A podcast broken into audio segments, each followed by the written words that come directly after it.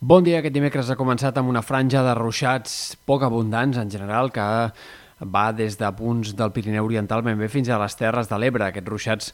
aniran disminuint amb el pas del matí a mesura que es vagin acostant també cap a sectors una mica més a l'est, per tant matí insegur, però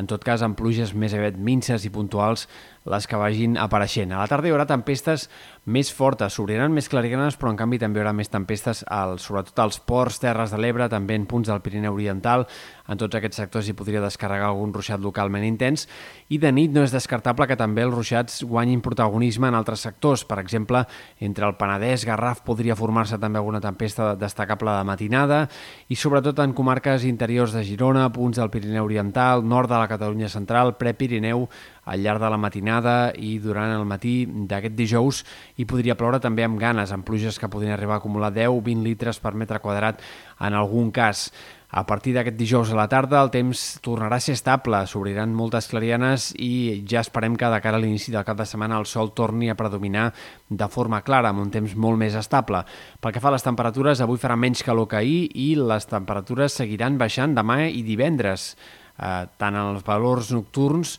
eh, en els quals sobretot baixaran la nit de dijous a divendres, que serà la més fresca de la setmana, com pel que fa a les temperatures diurnes que en aquest cas tocaran fons de cara a demà, divendres, i de cara a dissabte ja començarà a fer una mica més de calor al migdia